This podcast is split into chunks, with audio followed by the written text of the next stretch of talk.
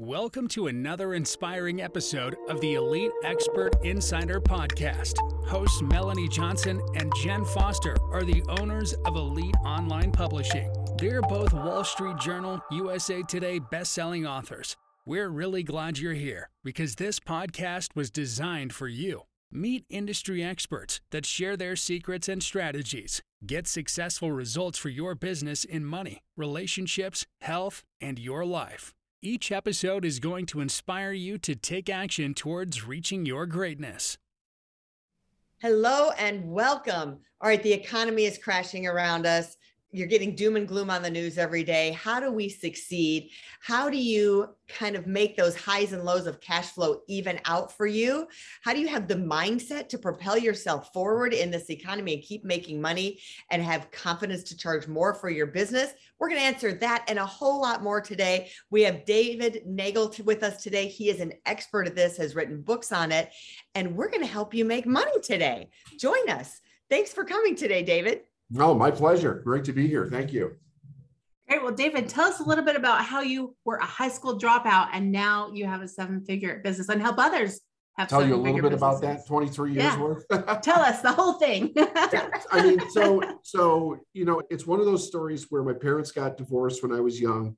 Mom and dad were busy in their own lives kind of raised myself on the streets of Chicago and was very much headed in the wrong direction.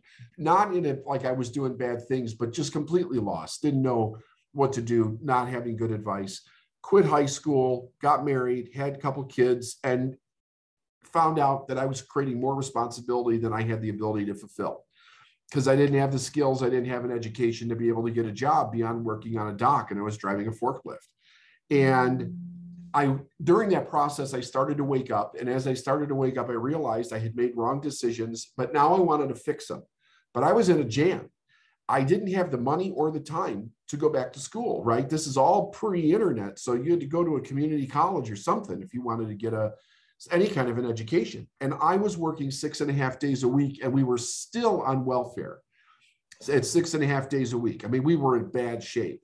So I was just completely stuck. And after a period of two years, I started uh, having these experiences where, like, my mind was telling me to try different things that I didn't understand. And, and one night it said, change your attitude. That was it. I got this message in my mind said, change your attitude. It was like an audible voice while I was working. It really was. I was having a mental breakdown. It was a, I was emotional. It was a wreck. And I started to look at what are the components of an attitude? Because I realized I had heard that even when I was a kid. The teachers would say to my parents, David's a smart kid, but he's got a terrible attitude with school. If he changed his attitude, he could probably get better grades. And they would say to me, Go to your room and change your attitude until your next report card. But nobody ever showed me how to change these things. Yeah. So I started to dissect this while I'm working on this forklift. I'm like, what are what is an attitude? I came up with three things I wanted to change in my attitude. And I was I thought it was stupid. Like I really thought this was a dumb thing. Like, how is this ever going to change this situation? I need to figure out how can I have more money and get more time. So that's where I was focused. When I did that, I said, I'm going to try this for a year, see if it makes any difference. In 30 days, my income tripled. It tripled. I went from 20,000 a year to 62,000 a year in 30 days. And I was so floored by the change that I was like, I got to find out how this happened. I don't understand how it happened. It doesn't make sense to me. Everybody said, David, you got lucky. Don't blow this like you've blown everything else. But I was like, I have to figure this out. So I started reading. I would go to the library and get books, biographies, whatever. Um, and I found my way over time. And then I found mentors and I studied for a period of about seven years and I started coaching other people. And then I decided I wanted to make this my career. I was just so passionate about the information and what it could do if a person was really serious about changing their life. And that's how that's literally what happened. Man, and you know, I see this happen so often, even especially in young people, where with the pandemic and everything that's happened, they get stuck in this rut and they don't know why their life's not changing. And you're right, it is about the attitude, yeah. but how do they take that first step? You know, to change that attitude. You can't lock them in a room and just say, do it. And I, I keyed in that you said, right. you know, find mentors, read and listen to good things. When you're working with uh, business people, how do you get them to get past those blocks and get in the right mental state to bring that flow of income and cash to them to get to the millionaire seven, eight figure plus mindset? Do you have certain questions that you ask them? What exactly do you do? Well, the first thing that we do is we get them to understand that the reality that we're that they're creating is based on a lot of lies. It's a lot of non-truths, things that are not true that we have all been taught are true that we deal with in reality. And we literally create a life based on these ideas but they're fundamentally not accurate. And when you understand how to replace those things you find out that success is actually pretty darn easy if you look at us biologically we're born to be a success all life is born to be successful it's not born to fail human beings are the only species of animal that choose to fail out of ignorance the only ones. So when we understand what that ignorance is, we can change it. And when we change it, we can change our results instantaneously, very short period of time. You mentioned like the economic crisis that we're in. It's all BS. Like when people realize that it is all manipulated for the markets, and I'm like, this is constant. It's every 10 years we go through an economic crisis. Look at the history, right? All the way back to World War II. Every 10 years or so, we go through a major crisis. It's an up and down and correction in the markets, which has to happen in order to level everything out. But the problem is, is that it is sold to the public as fear, and there's actually nothing to be afraid about. If you understand how business works and you know what to do, you don't make mistakes by going into fear and you mm-hmm. proactively deal with it. I've been in business for 23 years. We've been through three major up and down cycles, and we've made money all the way through it, never gone backwards ever. And neither have any of the people that I've worked with in their businesses. And it's not it's not some major trick. It's understanding what's real and what's not real, and how do you proactively move forward when something goes down because that's the cycle of life. We have ups mm-hmm. and we have downs, right? You don't have to be a victim to the downside. You have to know how to do things differently in a downside. That's it. Right. I love that you said be proactive because I think automatically and the fear and things that people are telling you makes you want to retract and not do anything. It does. It and, scares and the hell out of Especially in people. your head, right? Not just yeah. Activity, but in your head, you're like, oh, I shouldn't do that, or it's risky, or this, or that, or the other. Right. When it should be doing the opposite, which is proactive, actually doing things, getting your mindset shift so that you have that positivity and knowing that it's not a risk, it's an investment or whatever it is that you're looking at doing. Well, let me give you, for instance, in our coaching groups right now with the clients that we have, they're all business people. And I've been teaching them, okay, listen, it's obvious we're headed for a down cycle. It's going to happen. It's not if it's going to happen, it will happen. This is the history. And you have to understand that if you start thinking about this as a good thing, you'll start seeing the opportunity in it and you won't be restricting yourself, which is what causes all the mm-hmm. problems. Every time there's a down cycle, it makes millionaires out of all kinds of people that know what to do when there's a down cycle. And it's not preying off anybody or taking away. It's about adding value where value needs to be added, but you have to understand how to see where that is. So the down cycle, you're saying if you know what to do in the down cycle. So right. what are the things you tell us telling your clients to do in the down cycle? Is it invest more like, hey, stocks are down, now's the time no. to jump in? Is no. uh, you know, real estate up, but should you still be going into hard assets? What are you telling them to do?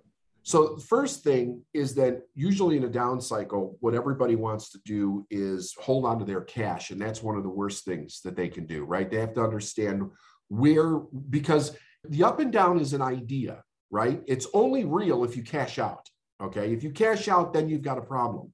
But for business people, well, the first thing that we talk about them is ask yourself this question. You have a market that you market to and that you sell. How is this downside going to affect them?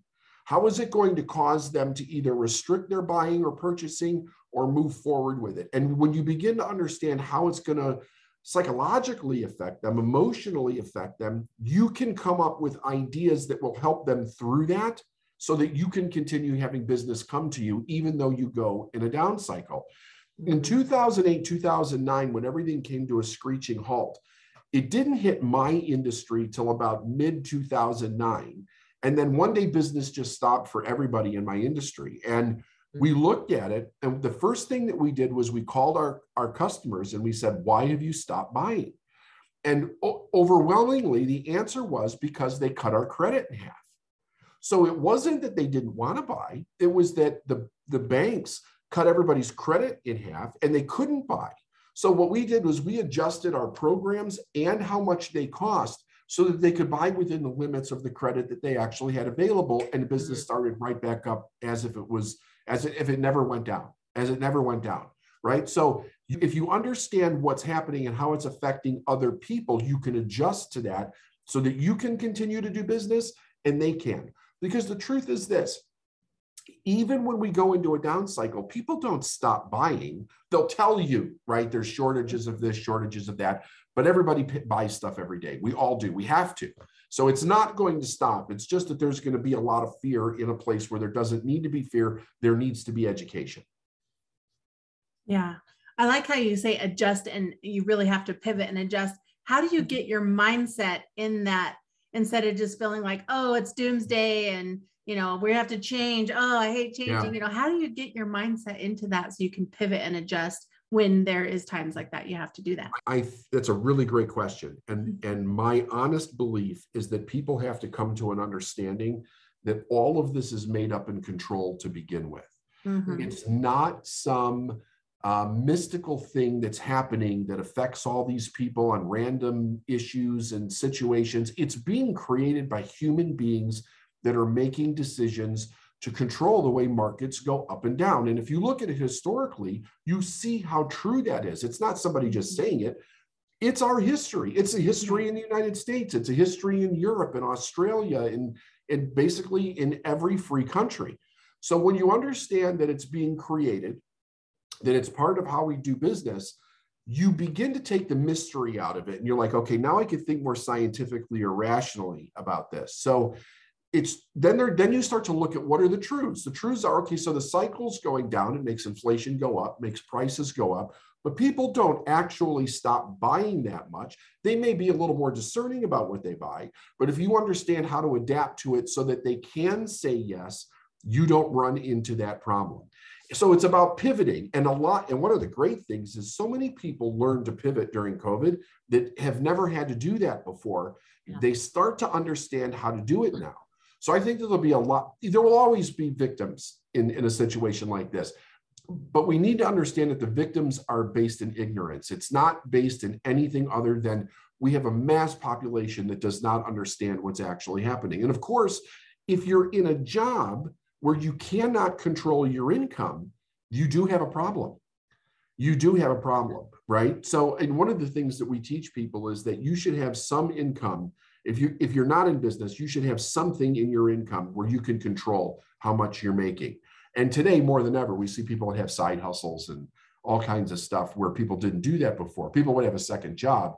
But we because of technology we have the ability to figure out different ways of making money today which is really fantastic in my mind and I love how you say, you know, we all had to, people pivoted during COVID, but isn't it interesting? No one pivoted until they had to. That's it's right. Like, you should be offering online service. You should be offering ordering online. And they, oh, well, later. But until they were forced to do it, the baseball bat came out and cracked them across the head. They didn't do that. I want to ask you about, you know, money is a tool. Like, you know, ca- is cash trash? Should we be putting it somewhere? What should our philosophy and positions be on money and cash? Well, see, here's this is the thing. I think that it depends on what a person's risk to reward ratio is in their mind, right? How mm-hmm. intelligent are you as far as risk goes? And if you understand how markets work, how real estate works, you don't make emotional decisions. Like if you, if you go take a class on either investing in the stock market or the real estate, one of the first things that they tell you is don't be emotional about your investments. Mm-hmm. Really look at what's actually happening so that you make sound decisions. So I think if a person already knows how to do that, they're probably okay. If they don't, they should get with somebody that does so that they're mm-hmm. not making emotional decisions. Because one of the worst things that you could do is once everything crashes, then you pull your money out and you're you've lost so much that you can't recoup. So the idea is how long can I ride this out based on how it's personally affecting you? I love that. I think that's really good because I think a lot of times people aren't looking at it they're only looking at emotional buy because that's what we do we're human we do emotional buy but looking at it in a smart scientific right. way is a way better right right yeah tell right. us a little bit about you have a podcast What is that all about? The Successful Mind Podcast. The Successful Mind Podcast. Yeah. And what we talk about is how your mindset actually affects your business and your finances and your life on that podcast. That's that's all that podcast is about. And we teach people how to think based on real world activities that people are experiencing every day, including their business and how other activities that are happening, whether it's political or has to do with COVID or whatever, how it affects them making decisions in their business. And we try to give them advice on how to think accurately that best serves them in the direction that they want to go in their life. Give us some tips of how we should think. Like, what are some of the things that you're telling us? Like, so we have action items that we can practice homework of how we should be thinking. So one of the one of the best tips is to not let fear control your thinking and always make decisions on the direction that you want to go. The biggest mistakes that people make in business is when they make a decision based in fear or based on what they don't want to experience. So usually they're letting the lack of money, so to speak, control their decision. There is no lack of money. Money is a resource like anything else. If you believe that there's a lack, you'll you'll behave as if there is one, and of course you will then reap the consequences of that. So the first thing is is to understand that everything moves in the direction for more life. Decide what you want, not what you don't want, and always move in the direction of what you want, and you'll make much smarter decisions. And ask for help if you don't know. Don't guess. It's not a place to guess because everything is designed against you, so to speak. I was listening to Ray Dalio the other day in an interview, who guy is absolutely amazing. And he's always talking about like you're competing with the best in the world the moment you step into the stock market. It's not designed to make you rich, it's designed to take your money. But if you don't know that, you walk into it like you are a Vegas casino and you start, you're basically you're gambling. You're using chance and luck and hope. And that is no place to bring that kind of a superstition into the marketplace with your money. You're gambling with your life when you do that. Yeah. I, th- I think it's great that you're talking about a mindset shift and the way that you think because like you said success leaves clues and we don't need to reinvent the wheel right? That's right. and and money w- does flow and it is abundant. You can just walk outside and see that there's abundance everywhere with the spring now and the leaves and everything and flowers. It's abundance everywhere and that includes money. So i love yep, how you absolutely. Yeah well tell us david where can we find you and get more information? I think the best place for people to kind of see what I'm about is to go to the Successful Mind podcast and have a listen. That's a completely free platform. We give all of our best stuff there, and if they want more information, we let them know there how they can how they can get more information. But that's a great place to start. Oh, perfect. So we'll put that up in the show notes. The Successful Mind podcast. That's right. You can check out David there. Fantastic. Thanks for joining us today, David, and share this podcast with your friends.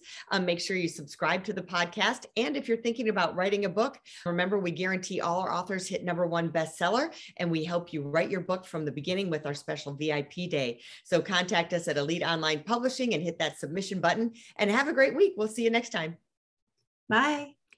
Hey, are you looking to increase your revenue, build credibility, and elevate your brand?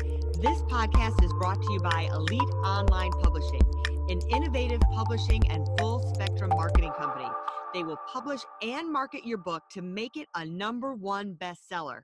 Becoming an author is the best way to market your business. So contact them at eliteonlinepublishing.com today. All of their authors become number one bestsellers.